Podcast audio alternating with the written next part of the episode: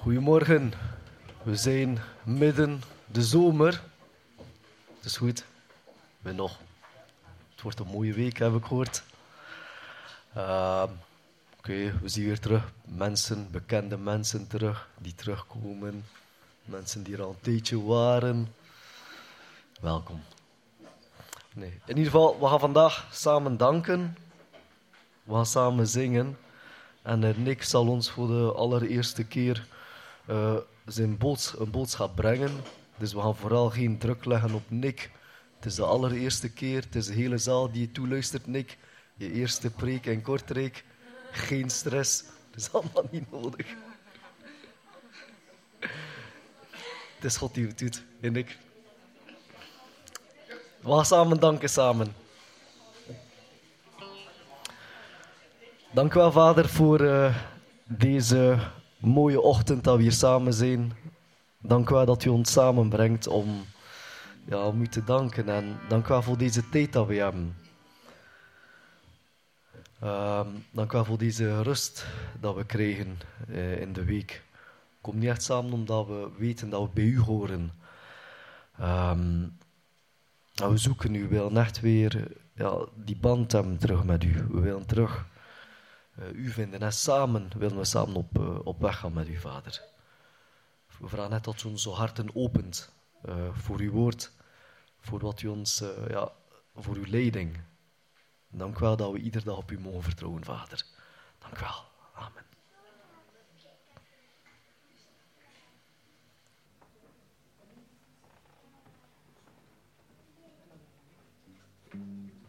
We gaan samen recht staan voor het eerste lied. Uh, u bent heilig. Het is een lied man-vrouwen, dus de, de mannen die volgen mee, de vrouwen die gaan Mirjam volgen. Vooral het, het refrein, het gaat een beetje door elkaar. Jullie kennen het wel.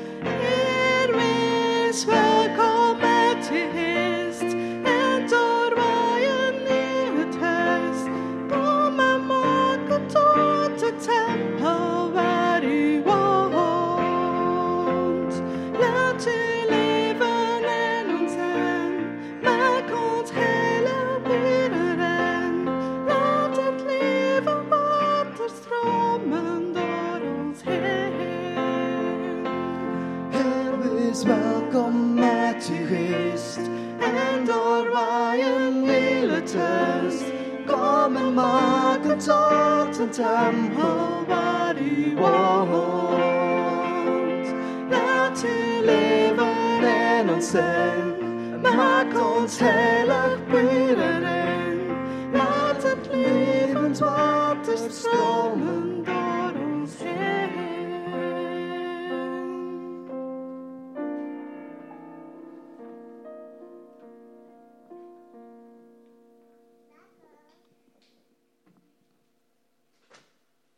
Gaan afsluiten met het lied Grâce Infini. Amazing Grace. Oneindige genade zo groot. Dat is het Frans lied.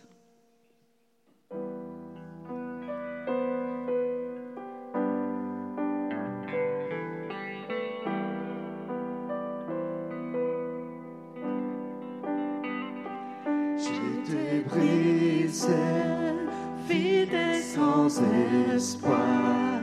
Ta grâce m'a trouvé,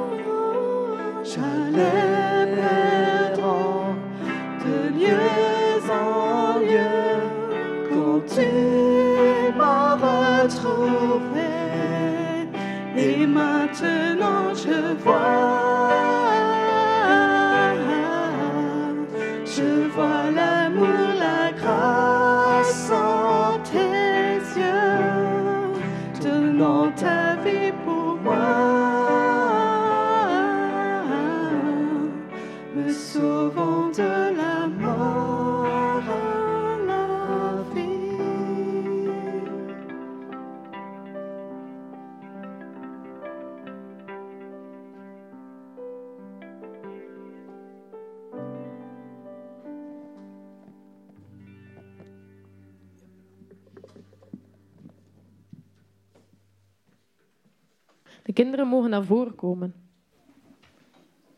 Kom maar hier, een beetje zitten. Ja. Zit, zit maar op de grond. Op de grond, niet op het podium. Ja. We gaan het kinderlied van de maand zingen. En daar zijn gebaren bij. Hebben jullie, hebben jullie het al gezongen deze maand? Een rivier vol van vrede. Ja, dat is met gebaren, hè? We gaan allemaal recht staan. We gaan allemaal recht staan samen. Wil je ook recht staan? Kom maar. Kom maar. Ja, goed zo. Goed hoor.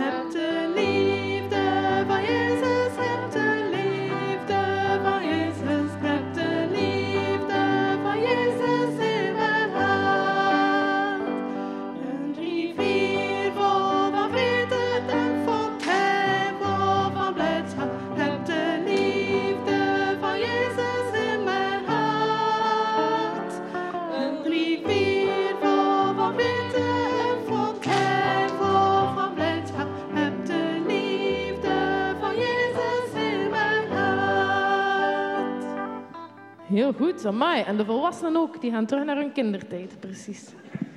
Is er nog een van de kinderen die wil bidden voordat we naar de zondagschool gaan? Quinten, wil jij bidden? Nee, iemand anders? Niemand? Zal ik nog bidden? Je ogen toe. Heere God, dank u wel dat we mogen weten dat u altijd bij ons bent. Of we het nu voelen of zien of niet. Dat u ons helpen om te vertrouwen en om te geloven. Dank u wel dat de zon schijnt vandaag, dat we daarvan mogen genieten. Wilt u de kinderen ook een fijne tijd in de zondagschool geven. Amen.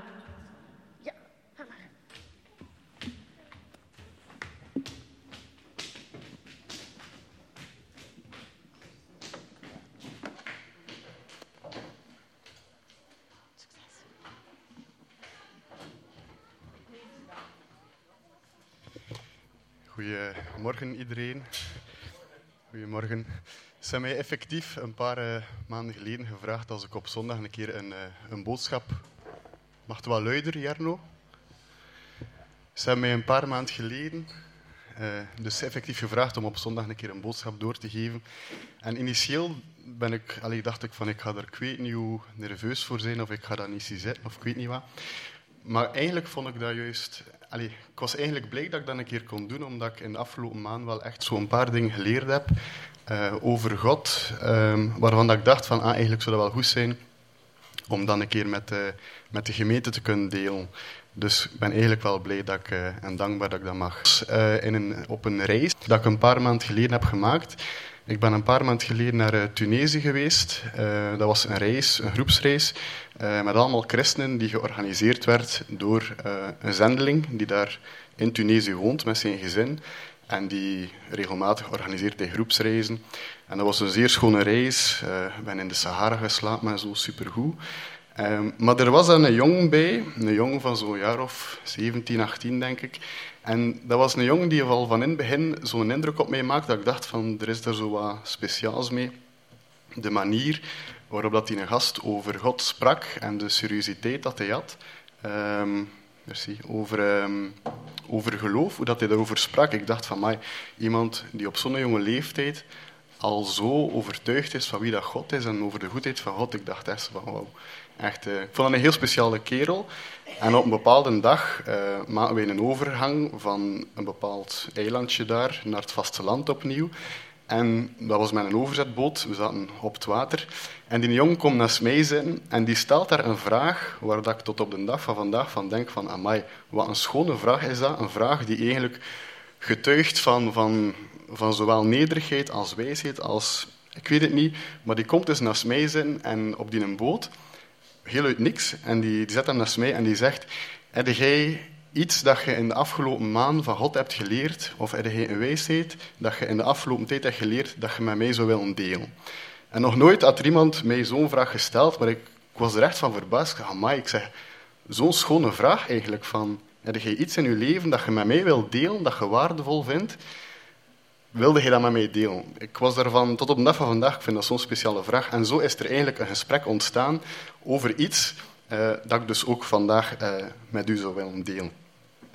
Um, het heeft te maken met een verhaal dat we allemaal wel, uh, wel kennen. Het is een verhaal uit... Als ik dat verhaal lees, word ik altijd zo'n beetje teruggecatapulteerd naar, mijn, naar de kindertijd. Het is zo echt een verhaal dat je al op jonge leeftijd uh, hebt gehoord, namelijk het verhaal van uh, de storm op het meer. Daar, daar draait het eigenlijk om. Um, even lezen, in, als je wilt volgen in, uh, in Matthäus 8 staat dat verhaal. Um, dus Matthäus 8 vanaf vers 23. En het gaat als volgt. Hij stapte in de boot, dus Jezus en zijn leerlingen volgden hem. Plotseling begon het meer enorm te kolken, zodat de boot bijna door de golven werd verzwolgen. Maar Jezus sliep. Ze maakten hem wakker en ze riepen: Red ons, Heer, we vergaan. Hij zei tegen hen: Waarom zijn jullie zo angstig, kleingelovigen? Toen stond hij op en sprak de wind en het water bestraffend toe, en het meer kwam geheel tot rust. De mensen stonden verbaasd en ze zeiden: Wat is dat toch voor iemand dat zelfs de wind en het water hem gehoorzamen? Het is een verhaal die eigenlijk uit twee delen bestaat. Enerzijds heb je de storm, uh, de storm waarin dat we onszelf misschien ook kunnen uh, herkennen. Een storm in je leven, een, situatie waarin dat je onrustig bent, een moment waar dat je belangrijke keuzes moet maken, of dat er dingen rond u gebeuren met jezelf of met iemand die voor u belangrijk is. Maar momenten dat je je in een storm bevindt. Ik denk dat we allemaal wel zo van die momenten ons kunnen herinneren van, ja, dat is zo een, een, een stormmomentje. Anderzijds uh, ziet je, het verhaal eindigt goed, maar Jezus toont dat hij de autoriteit heeft om dus die storm uh, tot bedaren te, allee, om dat terug rustig te krijgen. Dus we zien dat Jezus eigenlijk de overhand geeft daarover. Um, en we herkennen dat misschien in onze levens, dat de storm gaat gaan liggen, dat je terug een, vrede ervaart over uh, een bepaalde situatie.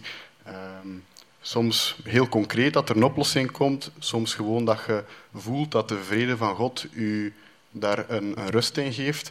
Um, maar het is een heel herkenbaar verhaal. Nu, dat verhaal, het al dikwijls gelezen, of allez, ik herkende dat van vroeger, maar er stond daar nu een, een iets in, allez, ik las daar een quote van, dat ik straks ga uh, met u delen. Um, maar dat heeft te maken... Allee, er was er één zin die eigenlijk wel een heel grote kracht heeft, waar ik tot voordien nog nooit had bij stilgestaan. En dat, is, dat zijn die drie woorden dat daar staat, maar Jezus sliep. En die drie woorden, dat kort stukje, dat heeft eigenlijk ervoor gezorgd dat ik dat verhaal op een heel andere manier heb leren bekijken. Ik kom er subiet op terug, uh, op dat stuk. Maar we moeten even teruggaan naar um, gewoon even kijken van hoe was de relatie dat, dat Jezus met God had uh, en wederzijds met zijn vader, hoe zat dat in elkaar? En ik zou dat graag doen aan de hand van drie uh, korte Bijbelfragmenten. en het eerste fragment is ehm, van Jezus in de tempel. dus dat is het moment dat ze naar de tempel ging en ja, het heeft drie dagen geduurd vooraleer dat uh, de ouders van Jezus hem terugvonden. En ze vinden hem dan op een bepaald moment vinden ze hem terug. Um, en zit hij daar tussen de, ja, tussen de geleerden, zit hij daar al te spreken in de tempel eigenlijk. Um, dus je moet je dat ergens inbeelden, dat die ouders daar dan, ze vinden hem eindelijk terug. En dan zeggen ze, kind, wat hebt je ons aangedaan? Je vader en ik hebben met angst in het hart naar je gezocht. Maar hij zei tegen hen, dus de twaalfjarige Jezus eigenlijk, maar hij zei tegen hen, waarom hebt u naar me gezocht? Wist u niet dat ik in het huis van mijn vader moest zijn? Maar ze begrepen niet wat hij tegen hen zei. Dat staat in Lucas. Um, dus Jezus, eigenlijk al op een heel jonge leeftijd, hij was twaalf jaar, maar hij beseft van God, God is, is echt mijn vader. En als je daarbij stilstaat, is, dan moet dat iets heel speciaals geweest zijn, dat hij op zo'n jonge leeftijd al dat besef heeft van God, waarvan dat iedereen sprak van ja, God, hé, uh, God is er en, en, en al de verhaal, maar hier echt van, ja, hij noemt God zijn vader. En je ziet dat dat in zijn verdere verloop van zijn leven, dat dat alleen nog maar sterker wordt. Maar dus hier zie je dat voor de eerste keer al dat dat naar voren komt. Dus ik wil gewoon maar zeggen van die een band dat Jezus en God hadden, dat was iets, iets, iets heel speciaals. Je kunt daar niet... Alleen, en vooral als daar daar op de achtergrond zie daar die twee ouders staan en die zien hem zitten. Moet je inbeelden dat daar die biologische vader bij staat. En dan zegt Jezus, ja, maar wist je niet dat ik in het huis van mijn vader moest zijn? Je kunt perfect wel geloven, alleen moest je kind dat tegen u zeggen, en hij zei die vader, dat dat inderdaad wel iets is van, ja, ze begrepen niet wat hij tegen hen zei, dat moet iets heel uh, speciaals zijn. Nu, belangrijkste, die, hoe dat Jezus naar God kijkt als zijn vader, uh, heel speciaal moet dat geweest zijn. Het tweede stukje is bij de, de doop, het moment dat Jezus wordt gedoopt. Um, dat is in het hoofdstuk daarna. Daar staat er, heel het volk liet zich dopen. En toen ook Jezus was gedoopt uh, en hij aan het bidden was, werd de hemel geopend en daalde de Heilige Geest in een gedaante van een duif op hem neer. En er klonk een stem uit de hemel, jij bent mijn geliefde zoon, in jou vind ik vrede. Hier zie je eigenlijk de, het omgekeerde. Eigenlijk zie je de, de respons dat God geeft naar, naar Jezus toe. Jezus noemt God zijn vader. En dus hier zie je dat God eigenlijk Jezus benoemt als mijn zoon. Dus dat versterkt nog meer van die band die daar moet geweest zijn, was iets heel, heel speciaals. Waar je met je gedachten een vader-zoon relatie. Het is een beetje dubbel, want ik weet niet als uw relatie met uw vader, maar je hebt heel veel, je hebt goede relaties, je hebt minder goede. Hoe dat wij als mensen kijken naar een vader-zoon relatie, daar kan een stuk gebroken zijn of daar, dat kan, er kunnen daar dingen in gebeurd zijn. Maar hier, dat moet iets zodanig puurs geweest zijn. Ik denk, je kunt daar met uw gedachten eigenlijk niet bij. Uh, het derde uh, fragment is het, uh, het verhaal dat hij de, de wonderbaarlijke spijziging, dat hij daar dat eten vermenigvuldigt. Um, dat staat in Matthäus 14. Um, en daar gaat het verhaal als volgt. Bij het vallen van de avond kwamen de leerlingen naar hem toe en zij zeiden, dit is een afgelegen plaats en het is al laat. Stuur de mensen weg, dus ze zeggen dat tegen Jezus, stuur de mensen weg, laat ze naar de dorpen gaan om eten voor zichzelf te kopen. Maar Jezus zei, ze hoeven niet weg, geven jullie hen maar te eten. Ze antwoordden hem, we hebben hier niets, alleen vijf broden en twee vissen. En hij zei, breng ze mij. En nadat hij de mensen opdracht had gegeven op het gras te gaan zitten, nam hij de vijf broden en de twee vissen. Hij keek omhoog naar de hemel, hij sprak het zegengebed uit en hij brak de broden. Hij gaf ze aan de leerlingen en de leerlingen gaven ze door aan de mensen. Iedereen at en werd verzadigd en toen ze de stukken brood die over waren ophaalden, hadden ze twaalf manden vol. Er hadden ongeveer vijfduizend mannen gegeten, vrouwen en kinderen niet eens meegeteld. Dat zinnetje die in het vet staat, hij keek omhoog naar de hemel, is weer zoiets dat je ziet van die focus dat, dat Jezus op God, op zijn vader had, komt ook hier. Allee, je kijkt naar de hemel. Ik, ik heb nu nog niet als ik, als ik bid of als je doet, ja. Maar zo echt naar de, naar de hemel kijken, al die verhalen die je leest, en dat zijn maar een paar fragmenten uiteindelijk uit een hele race van verhaal, um, maar waar dat je ziet van die band, van die vertrouwensrelatie tussen die vader en de zoon, tussen God en Jezus, moet iets heel speciaals zijn. Dat is het enige wat ik probeer uh, te, te, illustreren aan de hand van uh, de verhalen dat je hier leest. We gaan terug naar het verhaal van de storm uh, op het meer. Dus meer bepaald naar het fragment of naar de zin waar dat er staat. Plotseling begon het meer enorm te kolken, zodat de boot bijna door de golven werd verzwolgen, maar Jezus sliep. Die zin, maar Jezus sliep, is de aanleiding geweest voor een, uh, een Amerikaanse theoloog, die noemt um, Bill Johnson.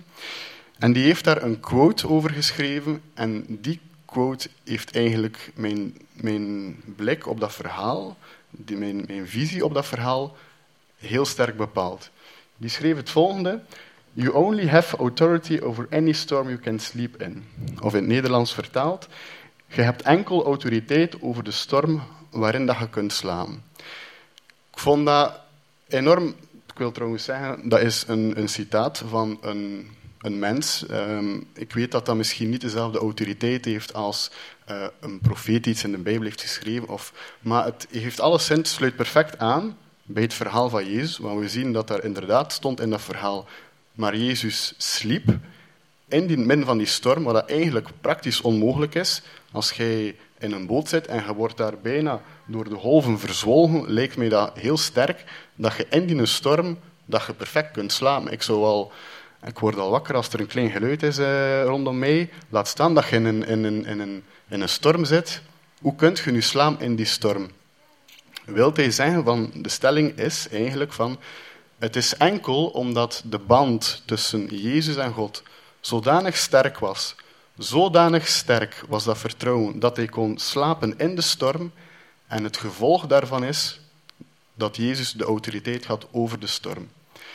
Als we naar ons eigen leven projecteren, ehm, en dat mag, want Jezus heeft onszelf geleerd om te bidden tot onze Vader. Dus de relatie dat we zien tussen Jezus en God als Vader en Zoon, dat je God uw Vader mocht noemen, is ook van toepassing op ons. Jezus heeft onszelf geleerd, dus wij mogen God ook als onze Vader beschouwen.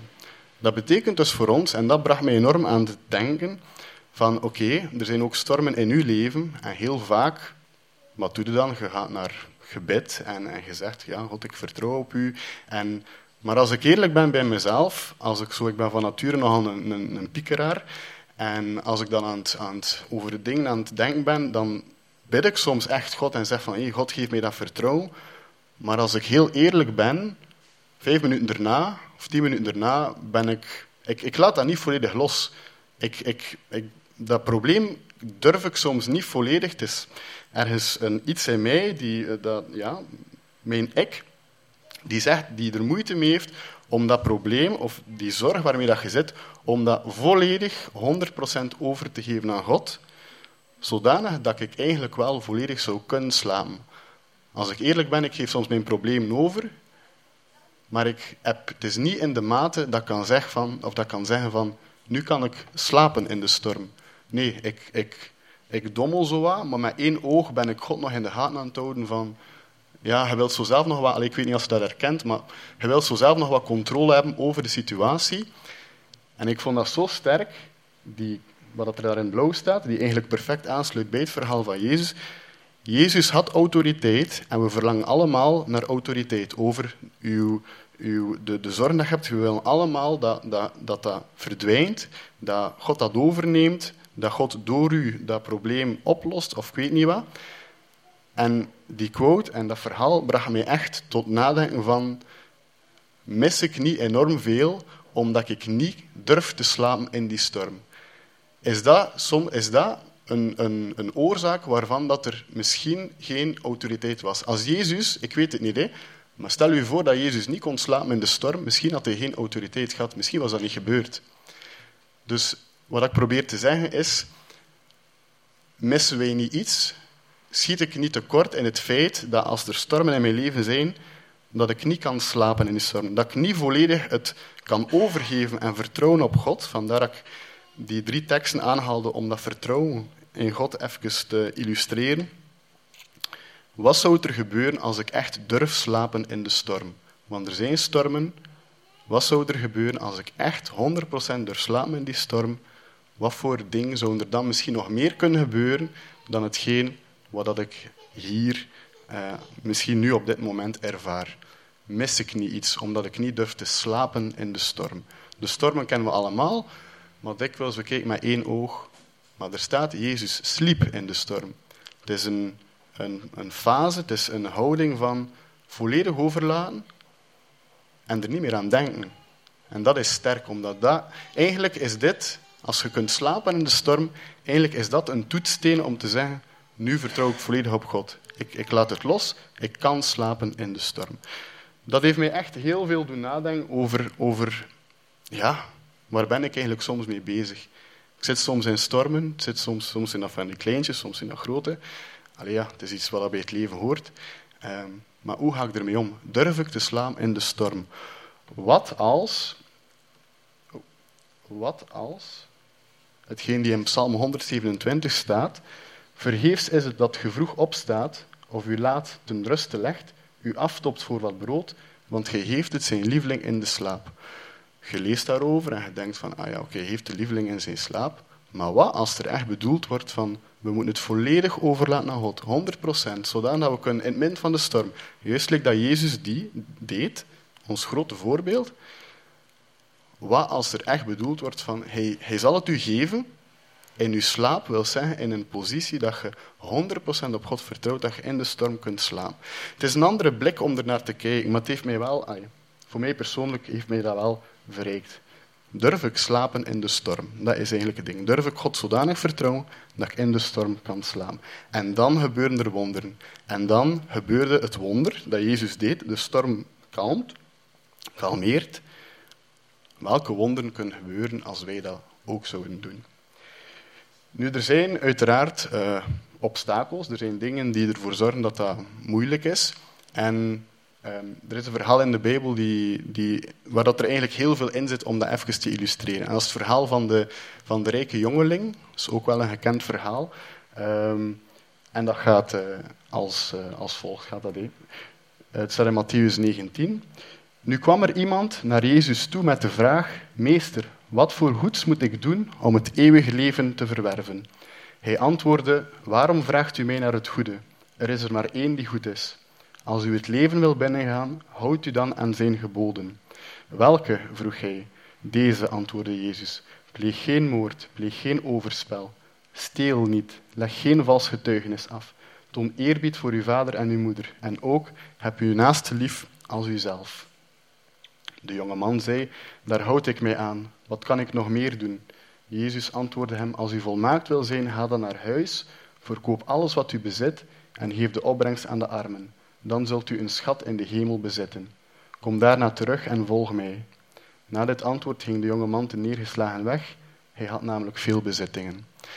Het is een verhaal die mij altijd uh, heeft aangesproken. In een andere vertaling staat er: hij, hij hulde bittere traan. Hij vraagt. Allee, het zijn eigenlijk twee dingen in, in dat verhaal dat je kunt meenemen. Enerzijds er zijn dingen die in de weg staan. Er zijn dingen, hetgeen die bij die man in, in, in de weg stond, is dat laatste, hij had veel bezitting. Voor veel mensen is dat zo. Uh, ja, materialisme, je, houdt vast aan, aan dingen, niet alleen aan materiële dingen, maar ook aan andere dingen. Er zijn dingen die in de weg kunnen staan om eigenlijk tot, tot, tot God, tot Jezus te komen. In dat verhaal is dat zijn bezit. Maar ik geloof dat de dingen die ons belemmeren om te kunnen slapen in de storm, waar met als gevolg die, die wonderen die dan kunnen gebeuren, dat die belemmeringen ook voor ons heel concreet kunnen aangetoond worden. Hier, en dat is mooi aan de Bijbel, ik vind de Bijbel altijd heel uh, concreet en ze zeggen soms de Bijbel is uh, zuinig met zijn woorden. Er wordt dikwijls een verhaal verteld en niet zodanig, terwijl dat je daar zo een roman van maken van 300 pagina's. Heel kort, zie je hier ook, ah ja kijk, het probleem is, die man had te veel bezitting. En dat zorgt ervoor dat hij eigenlijk niet tot God uh, kan komen. De vraag dat wij ons kunnen stellen, wat houdt er ons tegen? Wat zit er bij ons in de weg om net als die man niet volledig tot God te komen? U niet volledig te kunnen overgeven aan het feit van, kijk, God wil u rust geven, Jezus wil u rust geven, hij wil te wonderen doen voor u. Wat houdt u tegen? Een tweede aspect in dat verhaal is um, het feit dat die man wel heel veel mist. Die man uh, mist iets heel belangrijks. Als we teruggaan naar zijn initiële vraag, daar staat er, wat moet ik doen om het eeuwig leven te behouden? Eigenlijk door zijn bezit, door, door te veel vast te hangen aan dat ene ding, mist hij iets gigantisch. Hij mist het, het eeuwige leven. Dat is wel iets waar je niet zo licht kunt overgaan, uh, vind ik. Um, en ook voor ons kunnen we denken van ja, wat missen we als we niet durven te slapen in de storm? Wat missen we? We missen die autoriteit, we missen die wonderen. Wat zijn er dingen dat we daardoor missen? Ik vind dat iets belangrijks om over na te denken van... We weten allemaal dat er dingen in ons leven zijn die ons nog ja, obstakels zijn en dingen en zonden en dingen die nog niet oké zijn, maar ook zo van, wat mist je daar allemaal bij? Wauw, dat heeft gevolgen. En, en ja, we missen daar heel veel voor. We missen dat wonder misschien, van wat Jezus op, op dat meer kon doen. Wat missen we daarbij? Um, dus dat zijn de twee dingen dat we daaruit eigenlijk kunnen leren. Uh, tot slot, uh, twee korte dingen nog. We hoeven niet te twijfelen dat God ons effectief rust wil geven. Jezus wil ons rust geven. Het is zijn verlangen, het is, hij wil dat doen voor ons. Als we lezen in Matthäus, dan, dan zei kom allen tot mij, of kom tot mij allen die vermoeid en belast zijt, en ik zal u rust geven. Neem mijn juk op u en leer van mij, want ik ben zachtmoedig en nederig van hart, en hij zult rust vinden voor uw zielen. Geen zomaar een, een, rust van een lichamelijke rust, maar een, een rust voor uw ziel. Dat is eigenlijk het, het, een rust, dat gaat het aller, aller, allerdiepst. Ik denk niet dat je dieper kunt gaan tot de ziel van iemand. En dat is hetgene wat God ons wil geven. Dus we hoeven niet te twijfelen voor mensen die zeggen van ja, wie zegt er dat God ons dat wil geven? Misschien is dat... Hij, wil ons echt rust geven. Daar hoeven we niet over te twijfelen. En het tweede is, uh, en daarmee wil ik eindigen, uh, het gesprek met de Samaritaanse vrouw aan de waterput. Toen kwam er een Samaritaanse vrouw waterputten. Jezus zei tegen haar, geef mij wat te drinken. Zijn leerlingen waren namelijk naar de stad gegaan om eten te kopen. De vrouw antwoordde, hoe kunt u als Jood mij om drinken vragen? Ik ben immers een Samaritaanse. Joden gaan namelijk niet met Samaritanen om. Jezus zei tegen haar, als u eens wist, of als u wist wat God wil geven en wie het is die u nu om water vraagt, u zou hem erom vragen en dan zou hij u levend water geven.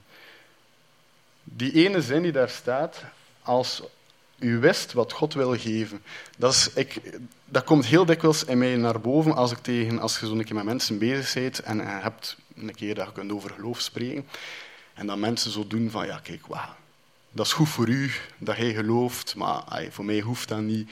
Uh, goed voor u.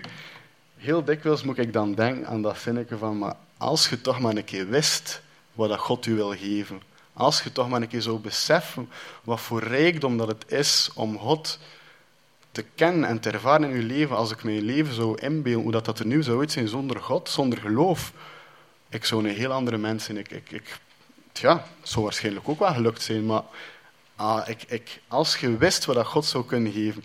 Ik, dat is zo'n zin dat dikwijls in mij opkomt als ik zo voor andere mensen. Maar als je maar een keer wist wat dat God u zou willen geven.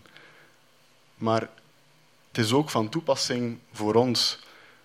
Als je maar een keer wist wat God zou willen geven, als je 100% in vertrouwen overgeeft aan God, en dat is niet simpel, en het is voor mij ook nog altijd een, een ik denk dat dat een weg is dat je heel je leven moet gaan. En dat is ook het leuke aan die wandel met God, dat je weet van dat verandert en dat groeit.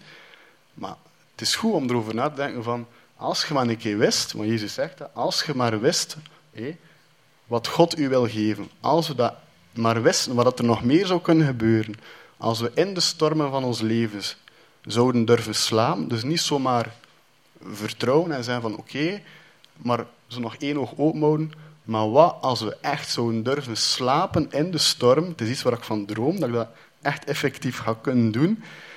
Maar wat als je zou kunnen slapen in de storm? Wat zou God u dan kunnen geven? Ik denk dat er nog veel meer kan zijn. Het is iets om over na te denken. Die quote, goed om over na te denken van, nog even teruggaan naar de quote. U hebt autoriteit over de storm waarin dat je kunt slapen. Als we maar wisten wat God ons zou willen geven. Iets om over na te denken. Voilà, dat was de boodschap dat ik, uh, dat ik u wou doorgeven. Iets omdat ik dacht van het is iets die voor mij wel goed is geweest om daarover na te denken en nog steeds. Dus ik nodig u uit om er ook over na te denken, over uh, het slapen in de storm. Wij gaan nu avondmaal vieren. Uh, het is een moment het avondmaal waarin dat we, of waarbij dat we stilstaan bij het wonder dat Jezus eigenlijk voor ons heeft gedaan. We hebben daarnet die, die stukken gelezen over de, de, de liefde naar de Vader toe. En het is wonderlijk om daarbij stil te staan dat door het offer van Jezus dat wij eigenlijk ook diezelfde band met God kunnen ervaren als, uh, als Jezus zelf had. Dus tijdens dit avondmaal uh, vieren we eigenlijk wat dat het is heel dubbel. Ik vind dat altijd een heel dubbel, het, het avondmaal. Enerzijds voelt je, voelt je verdriet, omdat je weet van Jezus heeft moeten lijden aan het kruis voor onze zon. Het is een moment van pijn, het is een moment van, van verdriet. Het is voor ons gedaan, dus we, we, delen in dat lijden. Maar anderzijds hebben we ook een enorme dankbaarheid, omdat we weten van het is door wat dat Jezus aan het kruis voor ons heeft gedaan, dat wij vrij tot de Vader kunnen gaan. Dus het, is, het avondmaal is altijd dubbel, maar het, het, het gevoel van, van dankbaarheid, dat overheerst eigenlijk. Er zijn um, drie uh, korte versen dat ik even wil aanduiden. Gewoon drie dingen om even bij stil te staan, vooraleer dat we, uh, dat we een tijd gaan nemen van gebed, om even stil te worden en ook bij onszelf na te denken van... Um, hoe, gaan we, hoe kijken we naar Jezus? Hoe, dus we kunnen straks een moment nemen van gebed. Maar even drie, um, waarheden over eh, het avondmaal. Over het offer van Jezus eigenlijk, dat we op dit moment eh, gedenken. Dit is de steen die door u, de bouwlieden, versmaad, die nogthans tot hoeksteen is geworden. En de behoudenis is in niemand anders, want er is ook onder de hemel geen andere naam aan de mensen gegeven, waardoor wij behouden moeten worden. Die vers zegt eigenlijk van, er is niemand anders dan Jezus, waardoor dat wij tot God kunnen komen. En de behoudenis is in niemand anders, want er is onder de hemel geen andere naam aan mensen gegeven, waardoor wij behouden moeten worden. Het is Jezus alleen. En dat is ook hetgeen dat we tijdens dit moment waar we bij stilstaan. Het tweede is dat het is niet enkel voor ons, het is niet enkel voor de christen dat hij, uh, of ja, de christen, voor een selectie van mensen dat dat offer er is geweest. Het is voor iedereen, als er ook hier mensen zijn die, die, die nieuw zijn, of die daar, het is voor iedereen. Het, aanbod dat, dat God u, of dat Jezus u geeft om die verzoening tot God, is voor iedereen. Er staat, en hij is een verzoening voor onze zon, en niet alleen voor de onze, maar voor de zon van de gehele wereld. Het is niet iets, het is, het is, het is universeel precies. Het is voor, voor veel meer dan enkel een kleine selectie. En dat is juist het wonderbaarlijke. Dat illustreert ook de grootheid van, van God en van dat offer van Jezus. En het derde is dat we inderdaad delen in het lijden. Het is een moment van verdriet eigenlijk, maar we delen ook in die opstanding. Als wij delen in zijn dood, zullen wij ook delen in zijn opstanding. Immers, wij weten dat ons oude bestaan met hem gekruisigd is, omdat er een einde moest komen aan ons zondige leven. God wou dat dat stopte. God wou dat wij opnieuw die intense vreugde konden ervaren. Dus er moest een einde komen aan het zondige leven. Wij mochten niet langer slaven van de zonde zijn.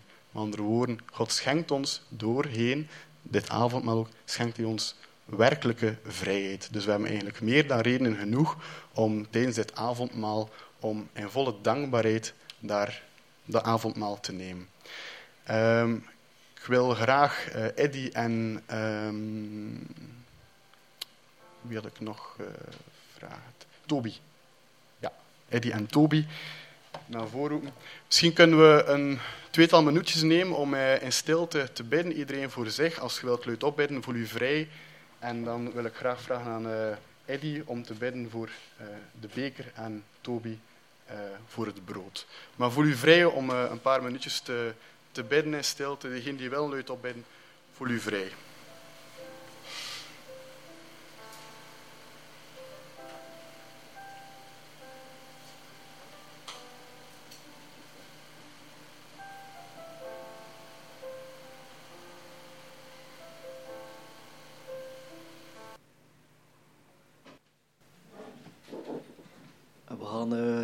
Samen eindigen met, een, met het laatste lied, Verberg mij nu. Het lied, uh, ja, de oorspronkelijke titel is Stil. En uh, het is een lied die eigenlijk heel goed uh, aansluit bij wat dan Nick verteld heeft. Het zijn twee dingen in het lied die, die me aan, aanspreken en de reden waarom ik het nam. De eerste is Verberg mij nu. Verbergt mij nu. En, ja.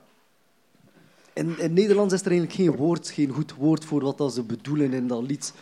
In het Frans, uh, in het Frans wordt het, uh, wordt het uh, beschreven als abrite-moi. En abrite-moi betekent van, ja, neem me onder uw geborgenheid. Neem me onder uw vleugels, neem me onder uw bescherming.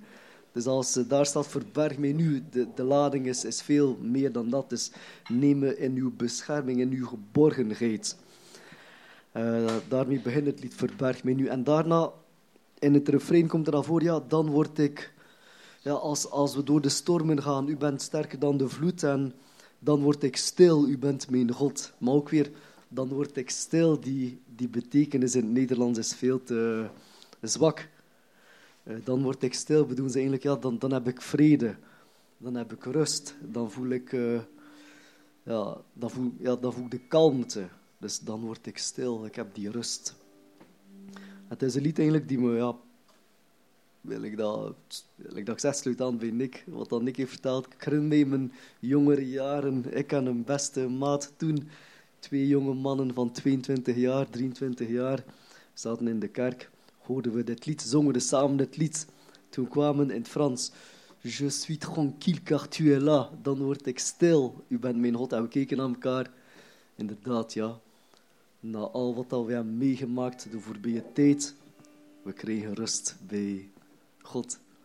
Dan word ik stil. We gaan samen recht staan. Uh, verberg mij nu.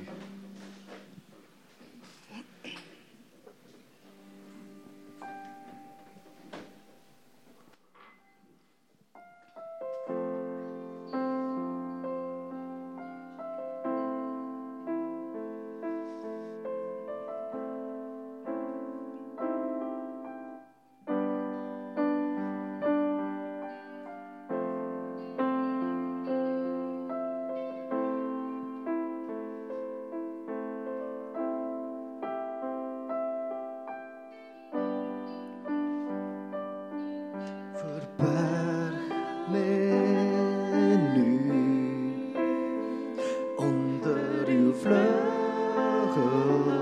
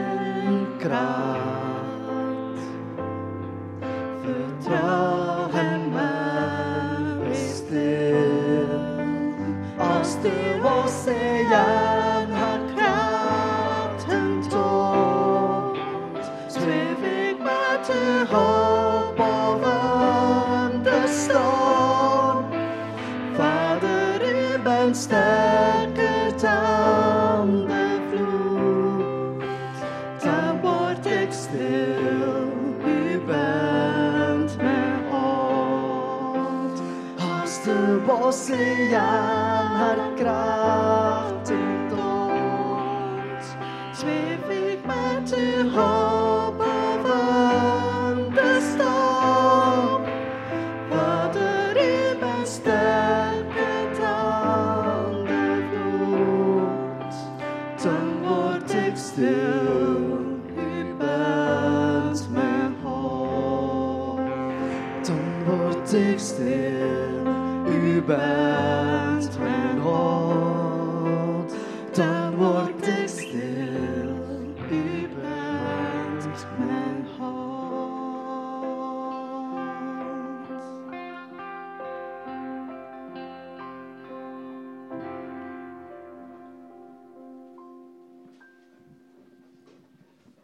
Dank u wel voor deze mooie tijd dat we samen kregen om u te danken en om u te zoeken. Dank u wel dat we mogen weer opnieuw leren en beseffen dat u uh, sterker bent dan de stormen, dat u boven alles staat en dat u ons draagt. U bent bij ons in, in goede tijden en slechte tijden. Vraag echt dat u ons verder op weg zet deze week, dat we samen mogen wandelen met u en samen met mensen op stap mogen gaan. Dat we samen voor onze naasten, onze dierbaren mogen zorgen. Onze families, onze vrienden, onze collega's, onze buren. Dank u wel, Vader, voor uh, alles wat dat u doet. En dank u wel dat we altijd op u mogen vertrouwen, Vader. Amen. En we kunnen eindigen en er staat tof koffie klaar. Er staat drank klaar, dus uh, ik zou zeggen, goede zondag nog.